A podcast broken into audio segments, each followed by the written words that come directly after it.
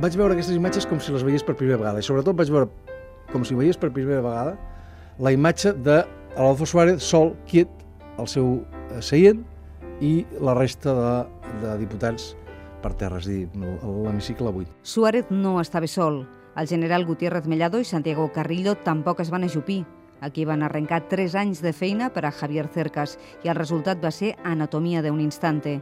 Adolfo Suárez, el general Gutiérrez Mellado, Santiago Carrillo, són fils conductors d'uns fets que tenen tant de ficció com de realitat. Per què, per què és una gran ficció, el cop d'estat?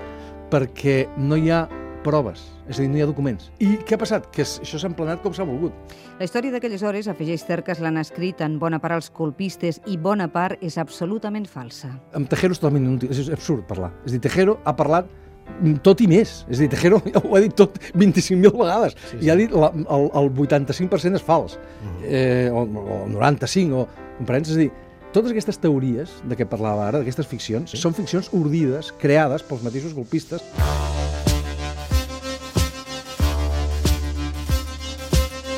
És una mena de neurosi col·lectiva, és a dir, en el, en el cop d'estat es concentren tots els dimonis històrics d'aquest país. És a dir, quan nosaltres pensàvem, hòstia, tu ja som democràtics, som, som com els francesos i els tal, i els, volem ser europeus, no sé què, pam, de cop ens recorda dos segles d'història, de bestialitats, de guerres civils, i aquests dimonis van aparèixer en forma de tricorni i bigoti, arma en mà, durant la votació d'investidura com a president del govern de Leopoldo Calvo Sotelo.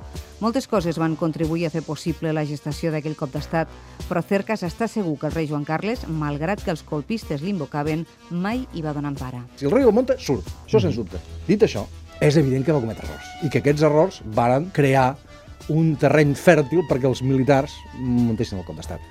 Errors com aquests van ser un excel·lent caldo de cultiu pel cop, però Cercas descriu més arguments de l'Espanya d'aquell moment. La depressió d'aquell moment era pel següent.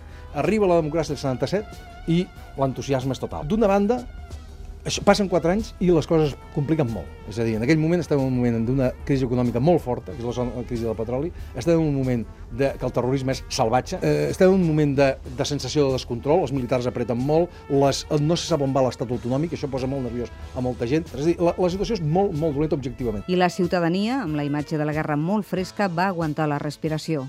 Després de més de 18 hores, el Suárez, que no es va llançar a terra, va sortir del Congrés dels Diputats.